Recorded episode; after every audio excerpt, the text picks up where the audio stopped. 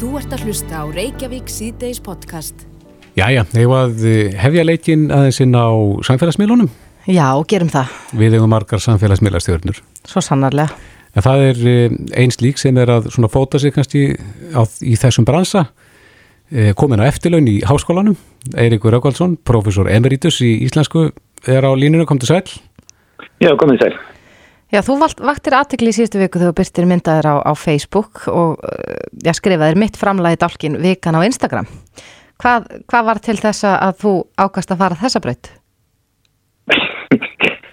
Að, það var nú bara svona, sko, ég, ég hafði svona verið að fara uh, hérna, morgun rúndin minn á, á vefmiðlunum og hérna og, og, og rakst á eins og ég svo sem gert áður hennan dálk þarna þáttu hérna vikan á Instagram á DFF og, og hérna fór sko tók eftir því og þarna voru fullt af myndum af fólki eh, aðalega hérna svona frekar fáklættum konum sem, sem heldu á síma. Mm og hérna áttaði með því að þetta væri, væri sem sagt sjálfur sem væri teknar með aðsóð speils og, fór að hugsa hérna ægi óttalega finnst mér þetta nú eitthvað kjánalegt. Og, og hérna og, hérna bara svona einhverju einhverju bríari þá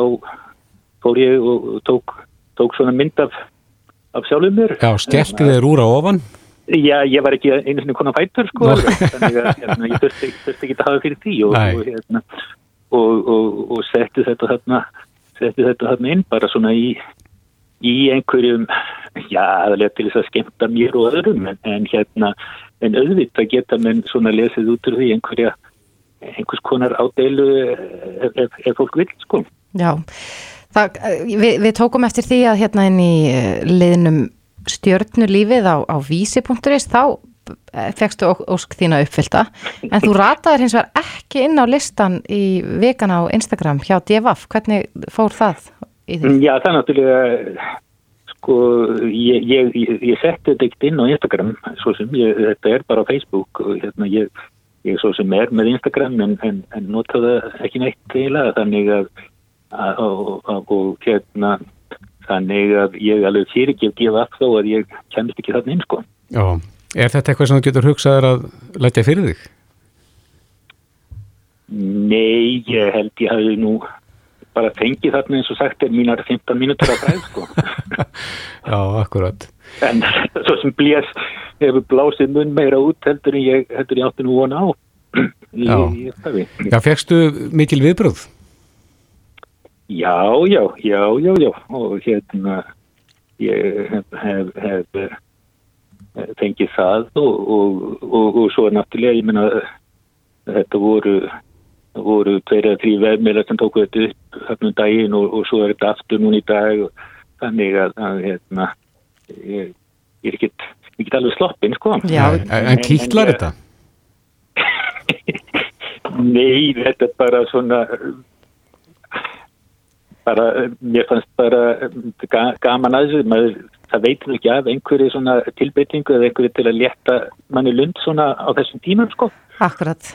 Þannig að, þetta, þetta er bara, bara skemmtilegt. Já, það hefur oft verið talað um það að unga kynslaðin eða svona þeir sem yngri eru þrýfast af því að fá sko like og komment og svona eitthvað aðtekla á samfélagsmiðlum. Ég rækna augunni það að þú ert með komið með tæplega, já, já, rúmlega 450 like á þessa mynd á Facebook. Það hleytir nú að teljast ágætlega gott. Fannst, fannstu fyrir veljaðan svona að, að fá öll þessi like? Já, já, já, já, ég er náttúrulega bara, bara hinn sæll með þetta sko.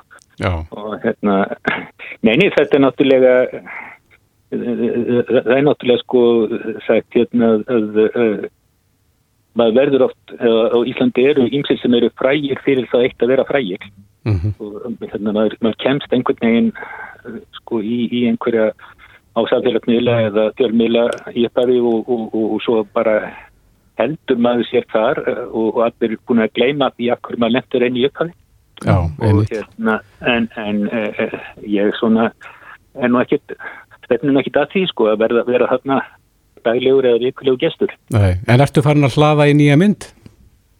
nei, Nei, nei, ég ætla bara að hætta á tóknum, sko. Akkurat. Já, gaman að heyri þér og, og hérna þetta, eins og þú segir, þetta létti lundina, það er, það er ljóst.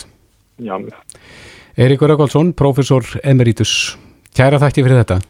já, takk. Þú ert að hlusta á Reykjavík C-Days podcast. En uh, já, það, það er 20 ára amali uh, Reykjavíkur síðdegis í dag, 20 ára síðan að þessi þáttur fór fyrst í lofti í þessari mynd. Og það er svona ímislegt sem að hefur gengið á í gegnum tíðina og mm það er kannski spurning með að rifja hér upp eh, lítið atrið úr dagbók. Já. Það sem að uh, þetta bara að góma og þe- þeir sem að uh, mun eftir Áskeri Páli úr þættinum, mm -hmm. kannastu hans rödd þetta, en lustuðu þetta. Og uh, þetta er stór dagur í samgöngusögu eigamanna því að þennan dag fyrir sléttum 40 árum síðan að þá kom herjan Ferjólfur. Herjólfur. Herja, herjan Ferjól Já, já það Herjan Herjólfur. það var skemmtilegt, það verður ekki mikið breyst við spluðum hann stöfum á því reyndar en, en Já, já, það er smá fótaskortur þarna. Já, já, herjan ferjálfur. Já, já. Þetta er skemmtilegt. Þetta passar vel. Herru, en e, það hefur verið mikil umræða í samfélaginu núna upp á síðkastið eftir þessar skotárásir á skrifstofur stjórnmálaflokkana og e, bíl borgarstjórans. Og þá hefur svona umræðan svolítið farið inn á þær brautir að e, hvernig umræðu hefðin er á Íslandi. Já, og við höfum líka oft talað um það að sérstaklega í svona kommentakerfum og, og annars líkt að þá leifir fólk sér ímislegt. Mhm. Segir ímislegt sem að myndi jafnvel ekki segja já, augliti til auglitis. Já. Og stjórnmálamenn hafa verið að rifja upp núna undanfannan daga svona hótanir sem að þeim hafa borist e, í starfi sem, sem stjórnmálafólk. Mm E, á línunni er Sigmundur Davíð Gunnlaugsson, fyrirvirandi fórstættisáþura sem að hefur nú fengið heldur betur guðsutnar yfir sig í kommentarkjærónu, kontur sæl Sigmundur. Komið sæl og það er mikið námalega. Já, takk fyrir það.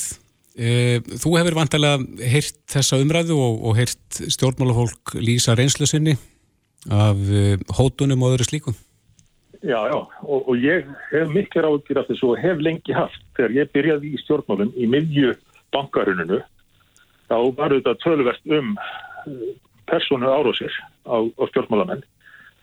Og ég hef tjáð mig um þetta í, í ræðu og riti uh, oftar en, en hægt er að telja með góðum móti. Og ekki hvað síst, síðustu misseri. Því að mér finnst uh, þetta vera festast í sessi. Það er að segja stjórnmál farin að snúast alltaf meira og meira um uh, personunýð, að reyna að ófræja anstæðingin eh, fremur en að, að taka rökræðu um pólitísk uh, aflöðenni. Og þetta er mjög ískikileg þróun fyrir pólitíkina. Enda eins og ég segi, þá, ef mann hafa fylgst með greinum mínum að undarförnum og ræðum, þá hef ég komin ítrekkað inn á þetta. Já, þetta er, hlýtur að vera að færast í auknum mæli inn á heimili fólks líka og, og að snúast um sko engalíf en ekki, en ekki sko störfin. Já, já, það gerir það náttúrulega. Þegar að, þegar að, að snúast um einstaklinga og þá að reyna að, svelta þá, þá auðvitað hefur það eh, gríðarlega áhrif á alla fjörskildu og, jafnvel vini viðkomandi. Eh, Ég hef oft tekið sem dæmi að, að menn geta og gáttu í gennum tíðina rifist alveg heiltarlega í þingsal um ólíka sína pólitík. Það væri rétt og rátt og gáttu svo verið bestu vinnir á eftir, farið saman fram í kaffi og, og, og, og spjallaði í mestu vinsend. En þegar áttíkin núast um einstaklinga og, og persónuleika, uh, þá er þessi, uh, þessi góðu samskipti sem þurfa að fylgja í stjórnmálum miklu erfiðari. Einmitt. En menn hafa líka talað um uh, líflátshótanir og Björn Ingi Rapsson var hérna á Sprengisandi um, um helgina þar sem hann sagði að, að þegar hann var aðstofamaður uh, fórsættisáþra á sínu tíma, Haldós Áskrimssonar, að þá, þá bárust uh, hótanir sem að var reynd að þakka niður. Já, Uh, lendir þú í einhverju slíku á þínum ferli sem fórsættisáþra?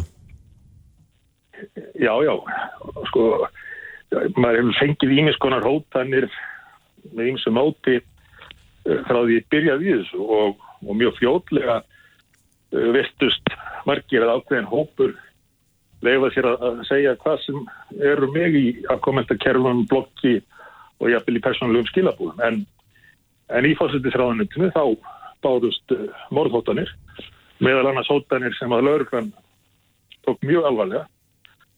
En, uh, en við vorum ekki að tjá okkur um það út af því. Af hverju ekki? Vegna þess að maður vill ekki, hvernig á ég að orða það, maður, maður vill ekki búa til einhver trend með þetta eða aðra svona hluti.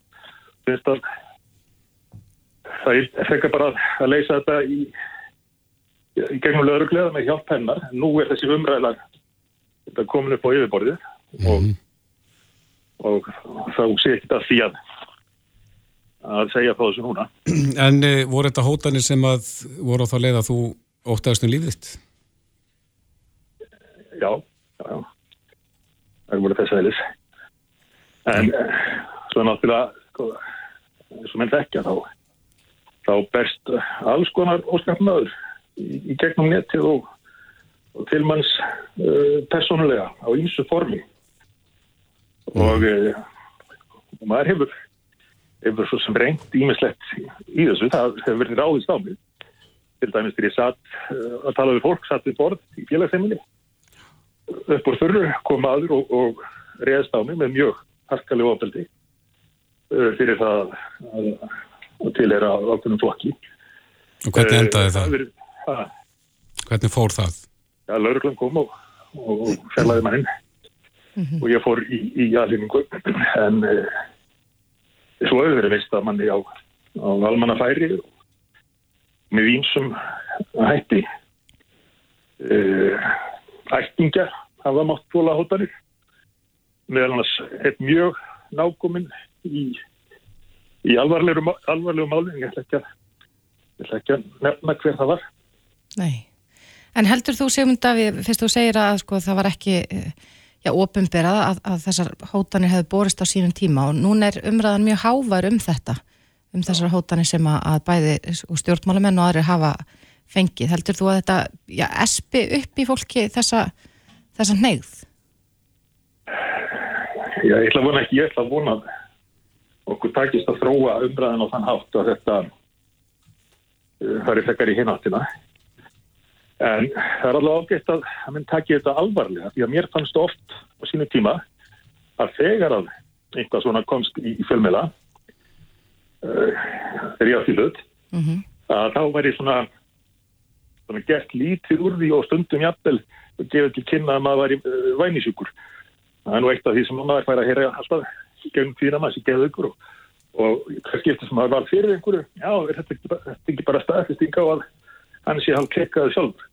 Mm. Ég, ég var til dæmis fyrir uh, fjárkúun með mjög grófu hótunabriði og hverju höfðu mestan áhuga þá?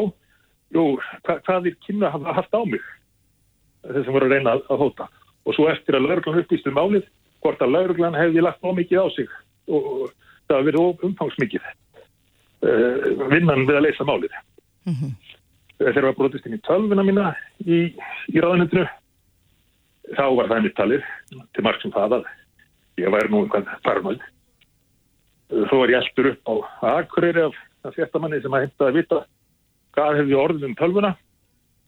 En það var lauruglan eða, eða sérfrængarnir sem að skoða þetta búin að uh, eiginni og ég meina það mætti lengi telja.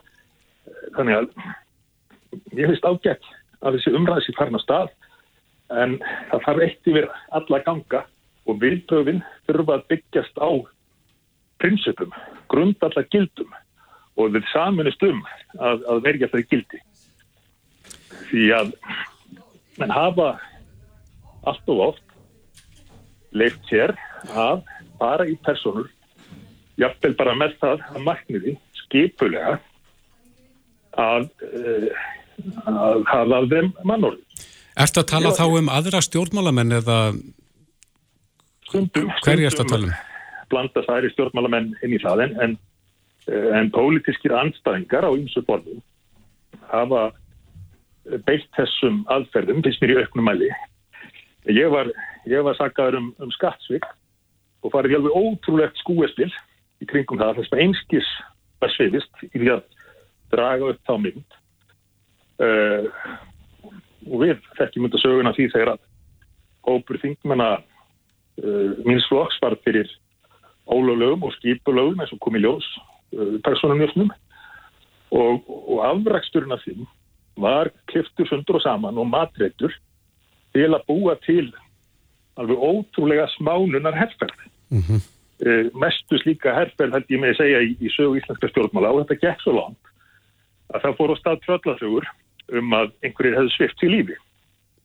Og það ringdi mig, fleiri neitt, grænsluttir um þetta, hvort þetta sé rétt. En samt var ekkert slegið af. Það var bara sko, eins og það eitt að, að frekja minni í burtu eða íta þeim fram á gráðabakka. Já, þú ert þá að tala um klaustusmálið. Lerunumálið, já, eins og við, eins og við kannski frekka rétt með mér, svo við sögum nú ekki staðinum neitt. En, en verst er þegar að árásirnar byggna á fjölskyldumvelum og, og það er því miður sannig. En hvað er þetta að gera? Það er að telja það í lægi. Já. Að þessu, það óbreykt borgarar falli með þessu, svona að segja. Mm -hmm. En hvað er þetta að gera til að snúa þessari þróun við? Það er náttúrulega eðlilegt að menn tækist á svona með skilmis með, með orðum í, í pólitíkinni, það er, það er eðlilegt.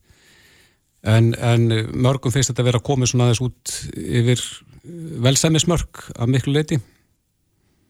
Ég heldur betur og þetta er svo óhald fyrir stjórnmálinn. Því að ef að áherslan er á personunar og að, að sverta þær, þá líður öll pólitísk umræða fyrir það. Mm. Og það, það er ekki hvað síst þess vegna, ekki, ekki vegna sem ég hafi verið að vorkina mér sérstaklega eigin einslu, en það er ekki hvað síst vegna þess að ég tel að þetta eiginlega stjórnmálinn og möguleika vera á að finna lausnir, finna bestu aðferðirnar í gegnum rökæðu. Mm -hmm. ef að átaka, ef að výlínan er alltaf sko, personunar, frekar en málefinn. Já, en heldur þetta að sé öðruvísi í nágrannlöndum okkar? Er þetta ekki, er þetta sami upp á teiningum þar? Ég held því meður þetta að sé að þróast með svipöðum hætti við það. Mm -hmm. En hvað ætli valdi því? Er þetta tilkoma samfélagsmiðlana eða kommentarkerfana? Það hefur eflaust tölver áhrif þarna á og svo þessi þróun yfir í það sem að menn kalla janskumælandi löndum identity politics. Mm -hmm. Það sem að allt verður að snúast um hver þú ert, ekki hvað þú segir eða gerir. En, en sem myndur... Það þú segja og gera er, er dæmt á ólíkan hátt eftir því hvaða hóprið er til þeirra. Já, en telur þú þörf á því að, að, að öryggiskesla sér aukin við þann hóp fólks? Já, ég held að það geta alveg verið tilökum til þess. Uh, uh, tala um ekki um eftir, eftir, eftir að koma í ljós að þetta hefði gert nokkrum sinnum þessar árásir á, á uh, skrifstofu stjórnmálaflokka eða, eða svo bíl borgastunans. Mm -hmm. Hvað finnst þér um, um það mál, þessar, þessar skotárásir? Þetta er alveg gríðarlega alvarlegt auðvitað. Í fyrsta lagi er, er það aðsverðar líðræðinu að ráðast með einum eða öðrum hætti á uh, eignir stjórnmálaflokka eða, eða stjórnmálamanna í, með þeim hætti og það er ekki hægt að, að skilja það öðruvísin öðruvís sem, sem hótun. Eða minnst að kosti þá er þetta skemdarverk skemdarverk unnin á því sem að tengist ákveðum stopnunum líðræðisins og, og það verður að taka það mjög alveg Einmitt. Setjum punktin hérna, Sigmundur Davíð Gunnlaugsson, formaðið miðflóksins. Kæra þakki fyrir spjallið. Takk sem leiðist. Hlustaðu hvena sem er á Reykjavík C-Days podcast. Reykjavík C-Days, uh, núna um áramótin tóku gildi nýja reglur sem við koma sjúkraþjálfuru. Mm -hmm. En þetta snýrað þessari endurgreislu sem að fólk getur fengið frá sjúkratryggingum. Um, og nú hveða reglurnar á um það að uh, sjúkarþjálfara þurfa að hafa starfað í tvö ár mm -hmm. í að minnst okkarstu 80% starfi áður en þeir geti sérst, fallið undir það að, að skjólstæðingarnir fái endurgreyslu frá sjúkartryngum. Þetta getur verið svolítið snúið. Já, það er erfitt kannski að útskrifast úr, úr háskóla, búin að vera lengi í námi og, og, og mæta sér þessu miklu takmörkunum mm -hmm. þegar út á vinnumarkaðinu komið. Unnur Pétursdóttir er formadur félags íslenskar sjúkarþjálfara og kom til sæl. Sælverið. Já, af hverju kjósa sjúkratryggingar að hafa fyrirkomulagi svona? Í fyrsta lagi er það ráðherra sem setur þessa reglugjörð en ekki sjúkartryggingar en auðvitað er þetta reglugjörðin sem veitir sjúkartryggingum heimild til endurgreyslu uh, kostnaðar. Mm -hmm. uh, tilgangin skiljum við ekki. Það eru engin fagleg rauk á bakvið þessa ákverðun. Það er landlæknir sem gefur út uh, starfsleifi sjúkarþjálfara og hvers vegna ráð þeirra ákveður að, að í raunin taka fram fyrir hendunar á landlækni og, og takmarka það starfsleifi höfum við í raunin engin röð fyrir og enga skýringar fengið. Mm -hmm. Á þetta bara við um sjálfstæðstarfandi sjúkarþjálfara? Þetta á bara við um sjálfstæðstarfandi sjúkarþjálfara en það eru þeir, þeir sem sjúkartryggingar endur greiða kostnaðin hjá. E, þetta svona hljómar í mínum eirum eins og að ríkið sé að reyna að ná þá í þessa nýjútskrifu sjúkarþjálfara til sín. Getur það passað? Ég hef bara ekki skýring á þessu. Það verður að segja sem svo er að við höfum ekki fengið hennar skýringar, það er enginn fagleg rauk. Mm -hmm. Það eru langir bygglistar, allstaðar þar sem eh, sjúkrafálfunir er í bóði og við höfum náttúrulega sérstakar áhugjör á landsbyggðinni vegna þess að þetta kemur í veg fyrir það að, að uh, ungir sjúkrafálvara sem hafa farið til Reykjavík til náms komist tilbaka til síns heima og uh, þarna koma líka jafnbrættisjónamiðinn í vegna þess að við vitum það að ung fólk sem er nýlokið námi að það leggst nú gerðan í barnignir og, og skilir þau um 80% starfsfall er í raun og veri bara aðfæra rétti ums fólks til að haga lífi sínu þannig að það getur samræmt fjölskyldilíf og atvinni þáttöku að eigin orð. Mm -hmm. Þannig að það eru fjöldamarg uh, spurningamerki sem maður setur við þetta og í rauninu okkur er þessi ákvörðin óskiljandi. En er eitthvað annað í bóði fyrir ný útskrifa sjúkarþálfara en að sætjum hjá ríkinu? Uh, Sko það vil nú svo til að þessi mentun er alltaf að verða eftirsoknaverðari og eftirsoknaverðari sko víða í þjóðfélaginu og það er náttúrulega gleðiðefni. Að sjálfsögðu eru helmingur okkar stjættar er starfandi á spítulum, hjúgrunarheimilum, endurhefingarstofnunum við vinnuvernd hjá íþrótafélugum í hilsugjæslunni og svo lengi má telja þannig að sem betur fyrir eru víða opnar dyr en þetta hefur að sjálfsögðu áhrif á atvinni möguleikana og, og líka bara fjölbreytni þeirra starfar sem fólk eh, er að fara til. Mm -hmm. Þannig að eh, við höfum miklar áhyggjur af þessu og, og að takmarka í rauninni valfresi fólks til að starfa á þeim vettfangi sem það kýrs og hefur mentað sér til. Akkurat. Voru þessar reglur, eða sérst við gerð þessar regluna, voru, var ekkert haft neitt samráð við til dæmis ykkur? Nei, ekki neitt. Hvernig eru samstifti sjúkraþjálfara við sjúkratryggingar? E, þær hafa nú verið skrautlegar, e, svo kannski ekki sé fastara orði hveði. Við náttúrulega sjáðum okkur af samningi á síðasta ári og e, það kom til vegna þess að það átt að þröngu okkur á örfáum vikum, átt að þröngu okkur yfir í algjörlega nýtt skipulag starfseminnar sem bara var ekki vinnandi vegur að vinna á þessum styrta tíma sem til þess var gefinn. E, þeir vilja gjör byrsta e, svona starfsumhverfinu og það bara tekur lengri tíma heldur en nokkra vikur að gera slíkt. Mm -hmm. En unur, já, er talsamband á milli ykkar? Nú heyri ég það úr rauðan sjúkarþálfar að, að þið séu valla virt viðlitt, svo fáu valla svör. Það er svo sem ekkert nýtt að það gangi ítla fá svör hjá Súkartryggingum Íslands uh, og uh, í gegnum tíðina þegar við höfum óskað til dæmis eftir fundum bara til að endur nýja þann samning sem þá er í gildi, það uh, hefur alltaf til tekið mjög langan tíma. Mm -hmm. Það eru engar formlegar viðræður í gangi eins og staðan er í, í augnablikinu. Nei, en þessa nýju reglur sem að umræðir hér það hljóta leiða til þessa að það verður minna frambóð af, af sko þjónustu? Það er óhjákvæmilegt og það sem kannski íkjör þann vanda er að ákvarðat núna eru 40 ár frá því að fyrsti árgangur sjúkraþjálfara var útskrifaður á Háskóla Íslands.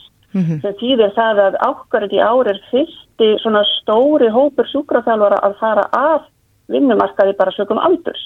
Þannig að hafi verið eitthvað tíma að ferfa á endun í hennar stofunum þá er það núna. Þannig að Þetta verður mjög bagalegt ef þessu verður ekki breytt. Og hvað þarf að gerast í þess? Það þarf náttúrulega í fyrsta lagi annað hvort að breyta reglugjörðinni strax sem væri bestu kostur en þess ber að geta að reglugjörðin hún fettur og gildi 30. apríl og við treystum því að hún verði endur skoðuð þannig að hún verði ekki sett áfram í óbreytri mynd. En hafið þið fengið einhver viðbröð við þessum sko bæði pislaskrefum og, og bara þeirri umræða sem hefur átt sér staðum þessar breytingar? Uh, við höfum, uh, við skulum segja að það hafa orð átt sér samt samstöl en uh, það er kannski hægt að skýra frá því að ráð þeirra fekk frá okkur breyfi morgun og, og við vonum bara að hún svarði því fljótt á vel. Já, Önnur Pétursdóttir, formaður félags sjúkarþjálfara, kæra þakki fyrir þetta. Já, takk. Reykjavík síðdeis á bylgjunni. Er oft hringt í síma tíma og fjallaðum sko ljós á bílum. Já, ljósleysi. Ljósleysi reyndar, já. já. En við vorum ekki alveg með á hreina á hann þegar hringdingaðin maður sem að var að veltaði fyrir sér ef að sko, ég keiri aftan á ljóslausan bíl. Mm -hmm. Hvor er það rétti? Já. Við höfum ekki svöru við þessu. Nei. En hvað segir Sigrun Þorstensdóttir, forvarnar fulltrúi hjá Vís, eða sérfræðingur í forvarnum, kom til sæl? Já, sæl verið. Getur þú leist úr þessu fyrir okkur? Hver ef að einhver keirir aftan á ljóslösan bíl? Þann tiltók nú í þóku upp á heiði?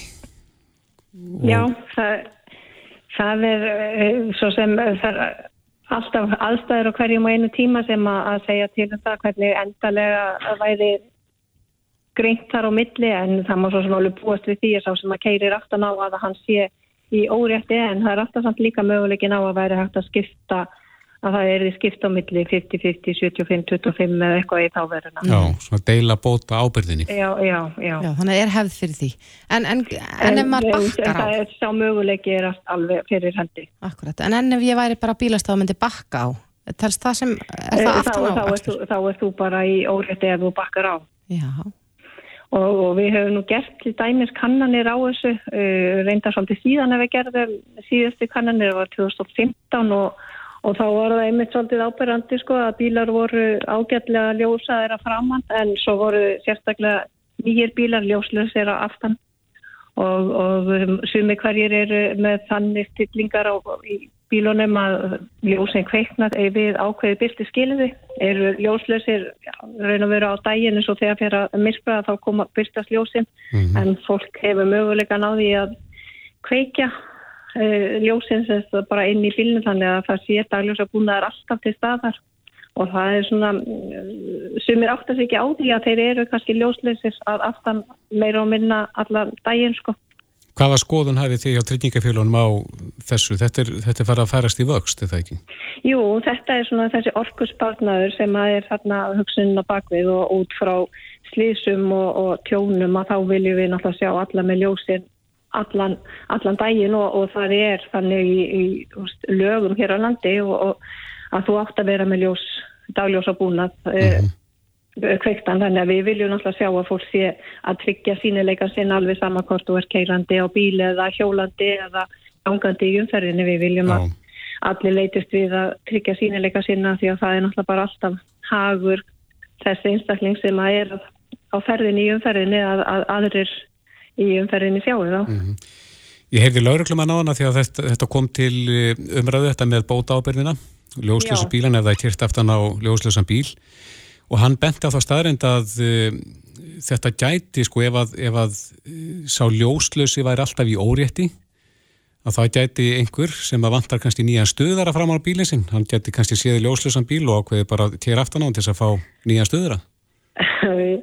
Já, maður myndir nú vonandi er engi sem að tekur það ákvörðum vegna þess að þú getur alltaf hitt sannig á, á hérna, bílinn þó að það ætti kannski bara rétt að þess að koma við og þá getur sá sem að situr í bílnu fyrir framann sérstaklega til þess að fólk er að horfa aðeins til hlýðar að það var alveg ótrúlega magna hvað fólk getur fengið vonda hálsmikki og að um, hraðin sér lítill þannig að vonandi ákjætt... er það engi sem að leikur það nei, nei, en þá er líka ágætt að hafa það í huga að yfirleitt er sá sem keirir aftan og hann er yfirleitt alltaf í óriðti Já, hann er yfirleitt í, í óriðti það er svona uh, gegnum gangandi. Og eins líka bara út frá þessu með aftanarkesslur að, að þetta verður, það er aldrei nægilega tryggt, uh, talað um það að hérna fólk sé að tryggja nægilegt bíl á millibíla mm -hmm. og mhm. tala nú um þegar að hálka er og, og snjóru á vegum og eins líka bara að huga svolítið að þessu öryggi sína að vera með höfupúðana rétt til það. Já, Sigrún Þóstensdóttir, sérfræðingur í forverðnum hjá Vís. Takk fyrir þetta. Takk sem er leiðist, leiklega. Þetta er Reykjavík C-Days podcast. Helgina byrtist greinin á vísi.is sem eh, ber heitið að lifa og deyja með reist en eh, þau sem rita þessa grein eru bæði hjúkunarfræðingar og læknar sem að starfa meðal annars uh, á landsbytalanum og á uh, í, við líknar þjónustu og svo byrtist í dag svona hálfpartin svargrein þetta heitir mér að svargrein og þetta heitir að lifa á degja með reist svargrein. Þannig að er verið að velta upp þeirri spurningu sko hvenar er réttlætanlegt að, að uh, það sem er kallað dánaraðstóð og var áður oft talað um lí, orðið líknardráp en ég held að það sé nú orðið óalgengar að, að, að það orðið sé notað. En þessi, þessi umræða hefur farið svona hún kemur og fer en hún er að verða háværari. Og, en, en þetta eru tveir hópar. Annars vegar þessir hópur lækna og svo er það lífsvirðing félag um dánaraðstóð sem að, að fjalla um þetta þennan vísa.is Já, Á línunni hjá okkur eru já, forsvarsmenn þessar tvekja hópa annars vegar Kristín Lára Ólafsdóttir sérfræðingur í líknar hjúgrun í líknar áðgjafa teimi landsbytalans og svo Ingrid Kúlmann sem að við höfum nú talað oft við um allt önnur málefni en, en hún er stjórnarmæður í lífsverðingu félagum dánaraðstóð, komið sælar? Blessa sæl.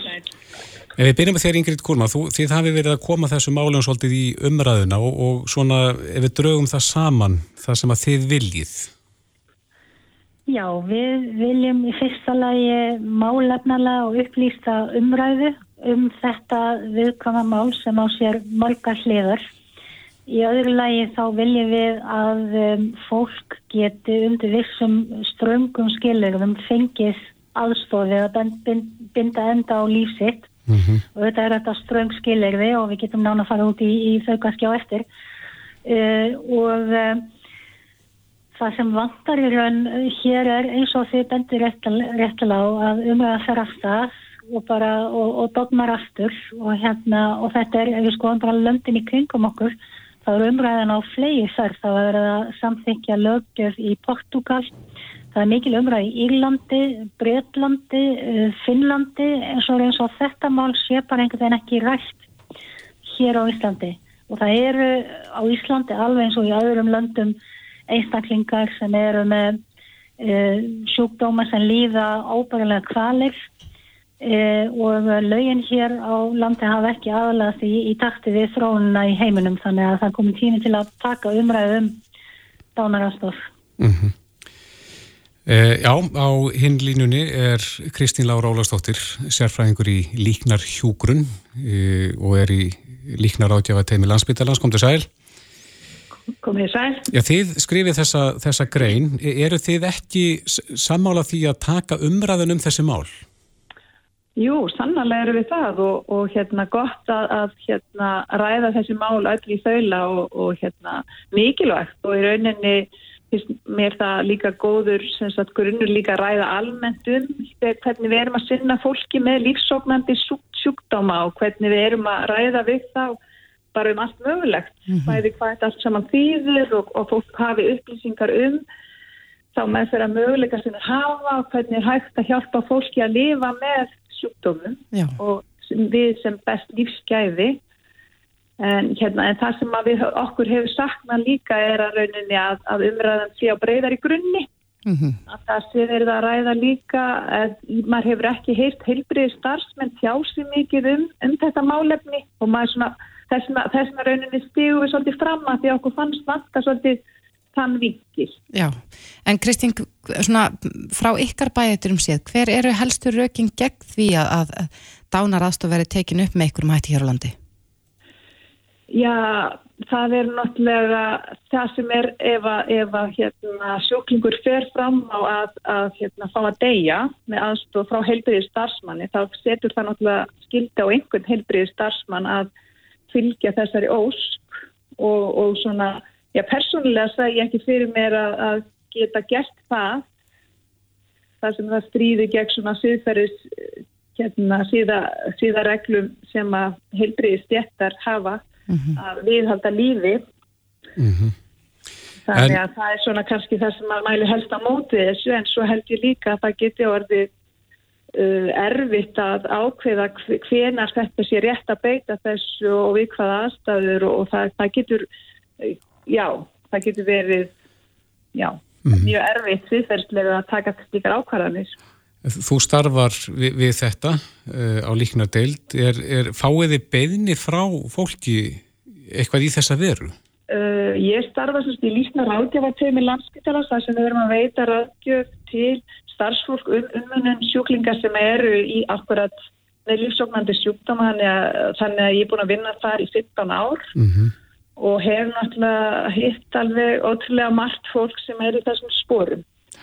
Og vissulega hef ég alveg allt þetta samtal við samt ótrúlega fáa ef maður horfir yfir, yfir það. Hvað eru rauninni fáir sem að ræða þetta og, en alltaf samt einhverjir. En, en það sem er mín reynsla er að, að þetta er kannski frekar eitthvað sem að fólk horfir á jafnvel þegar það er ekki orðið verulega veikt heldur þegar það horfir fram á að uh, missa sjálfsbjörg og, og að muni upplifa þjáningar. Já. miklu frekar en þegar það er orðið veikt að þá finnst mér þessi umræða svolítið ekki koma eins mikið fram. Nei, en e, telur það að það sé stór hópur innan þá heilbriði stjættarina sem að myndi ekki eh, vilja sinna svona e, dánaraðstóð? Hver, hver, Ég- hver heldur, að, hver heldur að, að svona skoðun fólks almennt sé innan geirans? Ég held að, ég bara veit það ekki. Það hafa náttúrulega verið gerðar einhvers konar kannarinn, en það sem er erfitt líka við kannanir er að, að það er náttúrulega vandarsamt að spurja af þessu. Hvort að maður sem fylgjandi eitthvað svona tíði samt ekki endilega að maður getur ekki að hugsa sér að gera þetta sjálfur. Þannig að þe- þetta er, þetta er mjög flókin umræða og, hérna, og líka þegar þú ert að spurja almenninga þá held ég að þegar fólk er heilbrygt að þá getur það miklu frekar hugsa sér þetta heldur en þegar það er orðið þig. Þá held ég að þa- það sé einhvern veginn öðruvísi og kemur í sér spór og miklu oftar sé ég það að fólk vil ganga svo langt með meðferðin og lifa lengur miklu frekar en að það vilji lifa skemur. Mhm. En Ingrid, uh, þið minnist nú á það í þessari grein ykkar að, uh, já, að það hafa verið gerðar skoðanakannanir uh, meðal fólks í landinu hvaða sko, hug það ber til dánaraðstóðar. Uh, er, það, er það ykkar meininga að, að fólk sé frekar fylgjandi þessu heldur en ekki?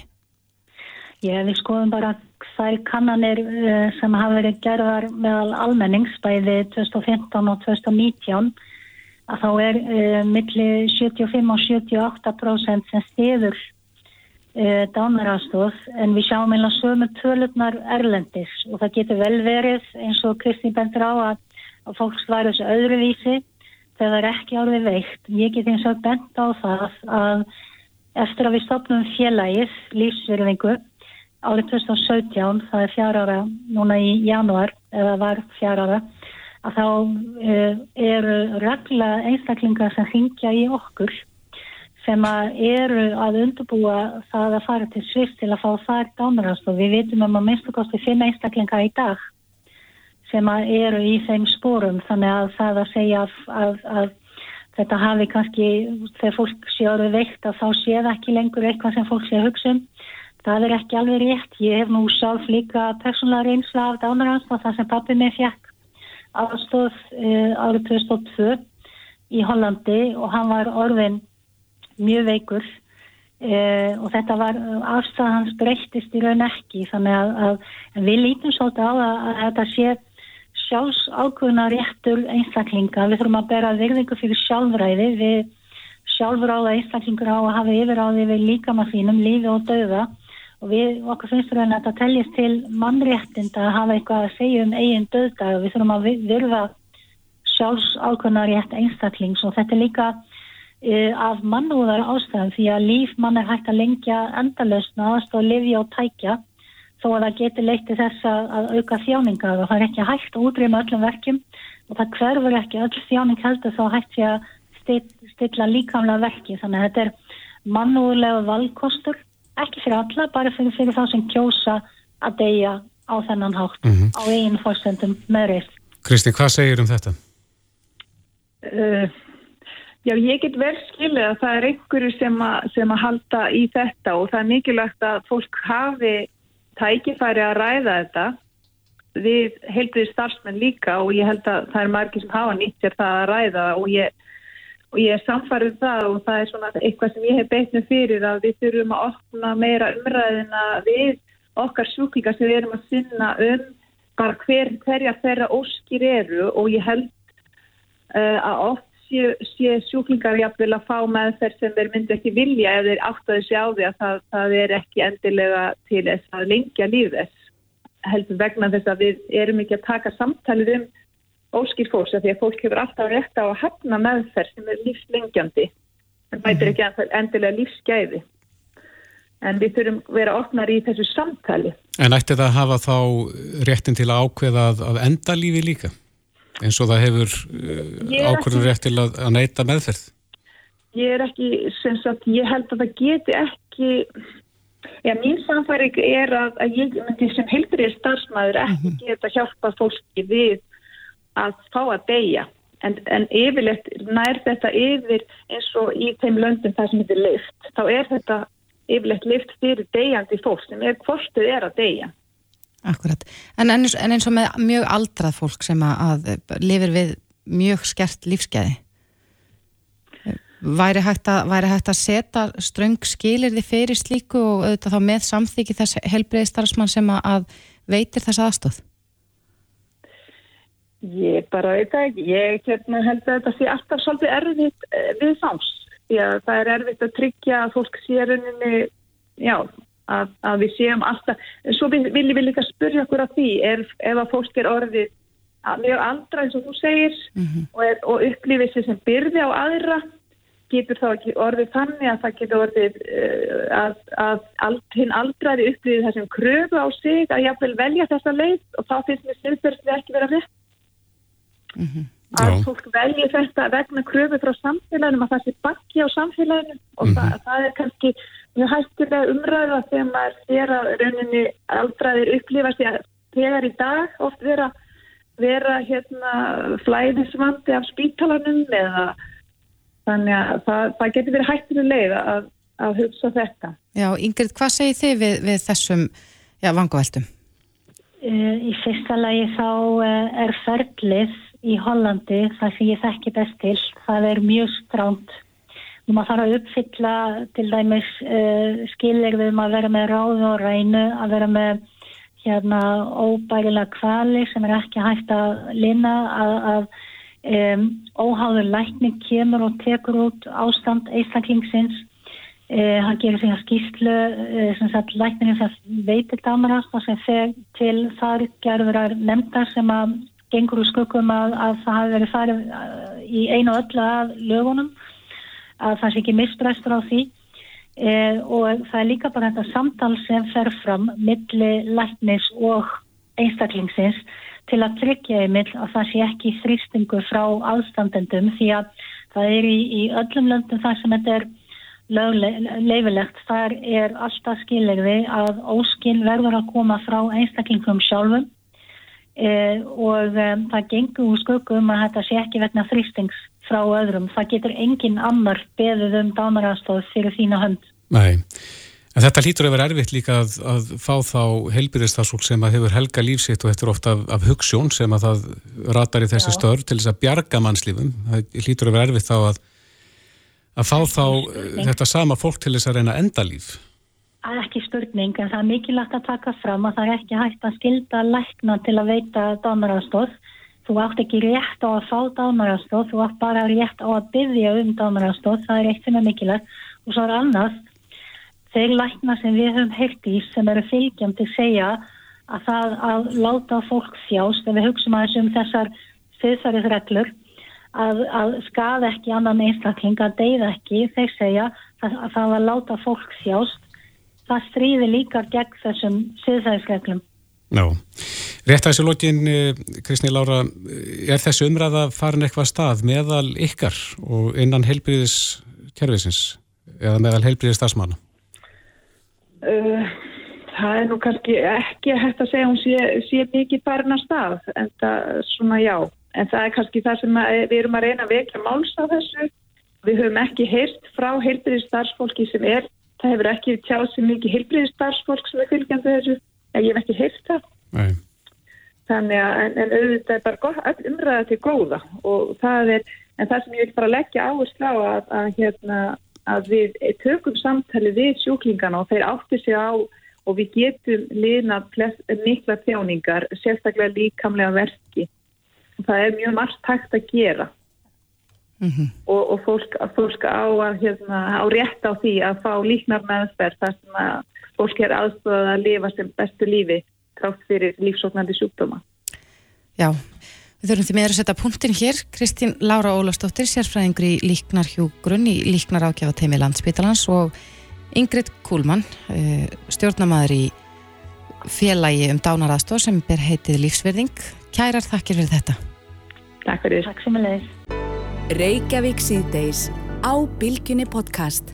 Reykjavík síðdeis og Bilginni heldur áfram. Ég held að það margir fóreldra verið svona aðeins hugsi eftir að hafa vort á Íslandi í dag um daginn. Mm -hmm. Það sem var, verið var að fjalla um svona kannski skuggarliðar uh, samfélagsmiðla og uh, nótkun barna á þessum samfélagsmiðlum. Já, það var rættið kennar Já. sem að segir að börn eigi ekkert með að vera inn á þessum miðlum mörgum hverjum.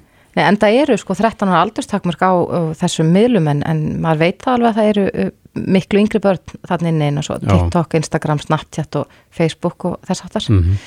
En ég rakst hérna fyrir slistni á, á námskeið sem að er verið að fara að kenna börnum og ungmennum til, sem er sagt, stílaðin á það að þau náu stjórn á skjánótkun. Mm -hmm.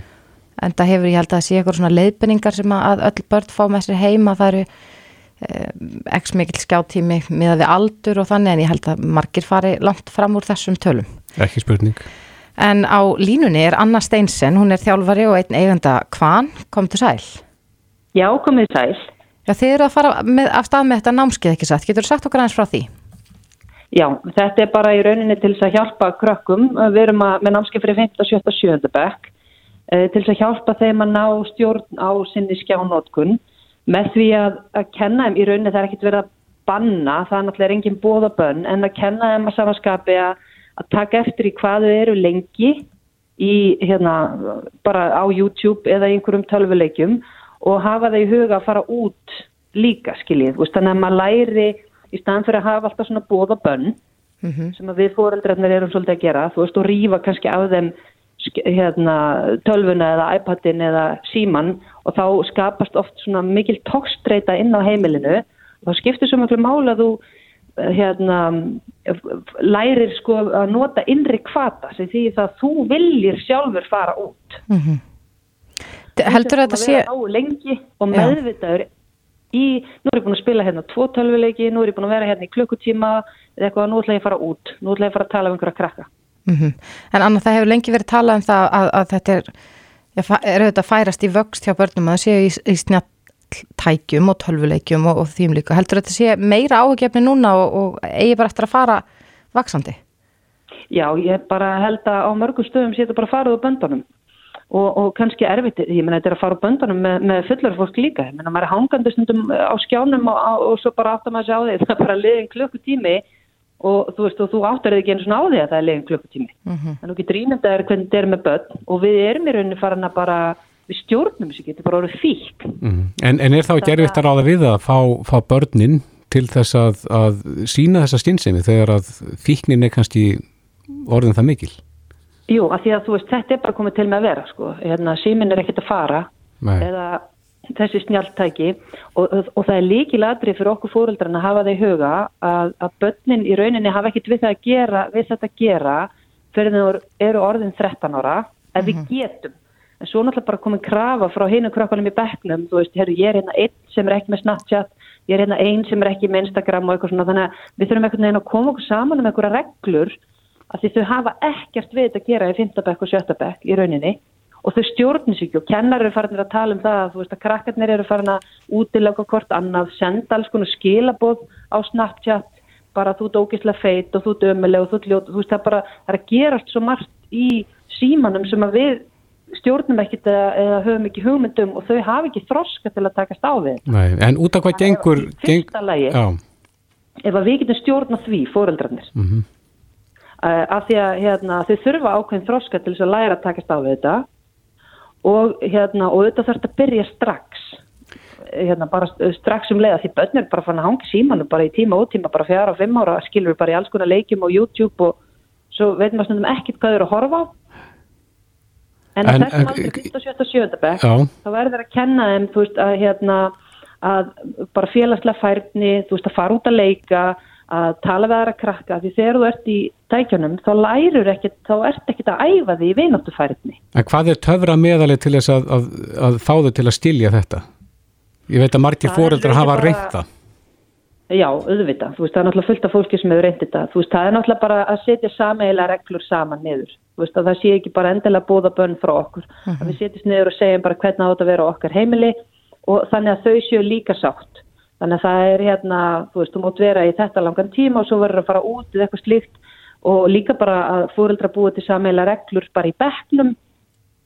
Þú veist að þetta sé svolítið svona skólinn, bekkurinn, fóreldrarnir að sé ekki allir bara einn og einn eitthvað neginn mm -hmm. að hérna, ströggla heima hjá sér skilja eitthvað við. Já. Það er svo miklu auðveldra eins og þegar útivist tíminn kom hérna á, í kringum árið 2000 eitthvað. Það var þetta bara, svona er þetta bara það fylgdi því allir. Akkurat. En það verður svolítið svona átak í rauninni í þessu sko. Já, en þið eru annars vegar að stíla á sko tölvuleiki og YouTube og svo hins vegar á samfélagsmiðluna. Hver ástæðan fyrir Já. því að þið, þið skiptið þessu svona í tvönd?